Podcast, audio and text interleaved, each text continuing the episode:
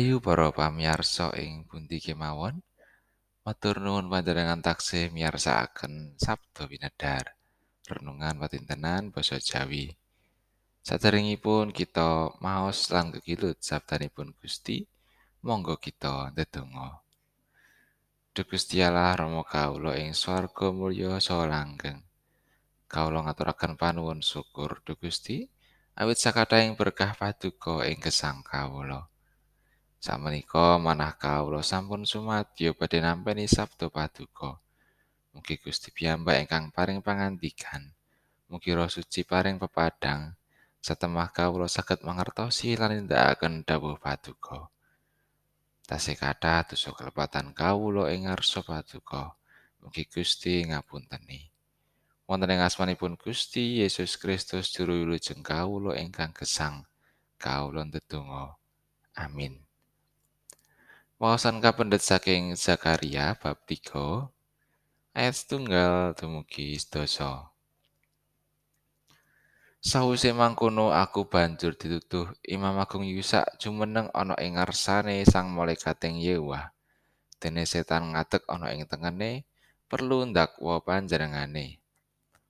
Sang malaikating Yewa banjur ngendika marang iblis mau. He iblis, sira muga kadukanana dening Pangeran Yewa. Iya kadukanana dening pesang Yewa kang milih Yerusalem. Wong iki rak tugelan kayu kang wis kajupuk saka ing geni. Ana dene Imam Agung Yusak nalika jumeneng ana ing ngarsane sang malaikat iku pangagemane reget. Dawe sang malaikat marang kang padha ngadosi. Cuculana sandangane kang reget iku. Dene marang Imam Agung Yusak pangantikane. Lah kaluputanira wis sun tuhake saka sira. Lan sira sun anggoni sandangan pesta. tumuli dawuh sirahe anggonana serban kang resik mestakane nuli diagemi serban resik sarta diagemi pengageman pesta ana dene sang malaikat ing Yewah jumeneng ana ing sacedhake sang malaikat ing Yewah tumuli pratela marang Imam Agung Yusa Pangeran Yewah Gustine sarwa dumadi ngendika mangkene menawa sira ngambah ing dalan pitedahing sun lan tepi kewajiban kang sun paringake marang sira. Sira bakal mengku padalemaning sun lan ngreksa prataraning sun. Apa dene sira sun paringake lumebu ana ing tengahe kang padha ngadeg leladi ana ing kene. He Imam Agung Yusa, sira ngrungokno. Sira lan para kancanira kang lungguh ana ing ngarepira. Iku rak padha dadi pratandha kang elok. Lahing sun bakal ngrawuhake abdi ning sun. yaiku sang turbusan. Mungguh watu adi kang wusun pasrahake marang Yusa iku, saben watu siji ana mripate pitu, sarta ingsun bakal natai ukir-ukirane. Mangkono pangantikane sang Yewah Gustine sarwa dumadi. Apa maneh ingsun bakal ngicali durakane negara iku mung ing sajroning sadina. Ing dina iku, mangkono pangantikane Pangeran Yewah Gustine sarwa dumadi. Sira padha gentenan ngajak lelungguhan ana ing ayame wit anggur lan sangisore wit anjir. Pakatan pangantikanipun Gusti. Ayat sang ayat setunggal. Sawuse mangkono aku banjur dituduh Imam Agung Yusak jumeneng ana ing ngarsane sang malaikating Yewa. Dene setan ngadeg ana ing tengene, perlu ndakwa panjenengane.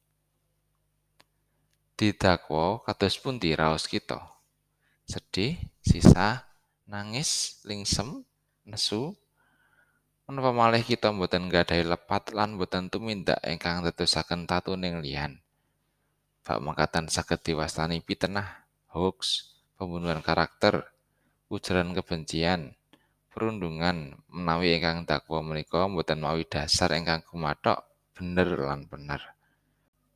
namung ada dasar asumsi, opini, waton wicanten lan waton dakwa.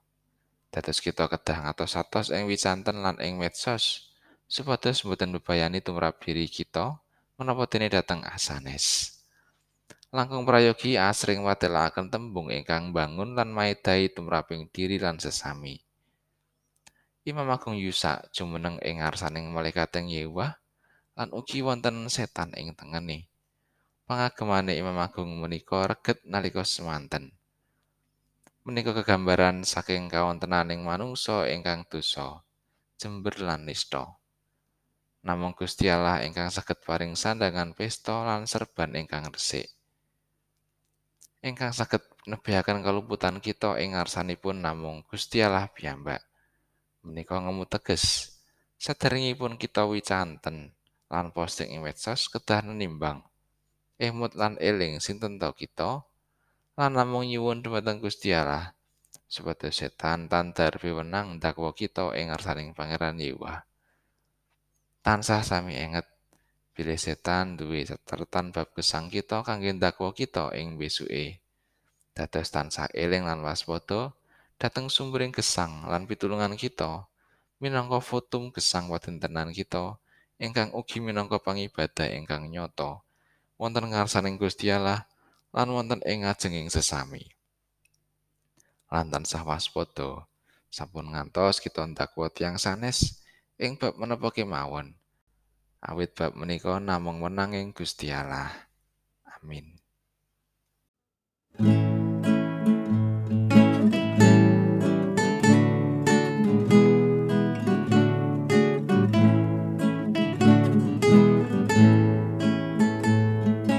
Panuntun lampah utama yeku sabdane ngalah ulang nom ring prayatiro tan kendat saben waya bro undang no sabde ngalah paseksi seramatnya Presamyo manggerarjo sinungan kesang nyoto.